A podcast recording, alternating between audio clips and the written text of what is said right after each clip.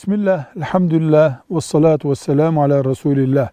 Bir baba çocuklarına hayattayken hibe ederse bir şeyi, bu kesinlikle çocuklar arasında eşit şartlarda olmalıdır.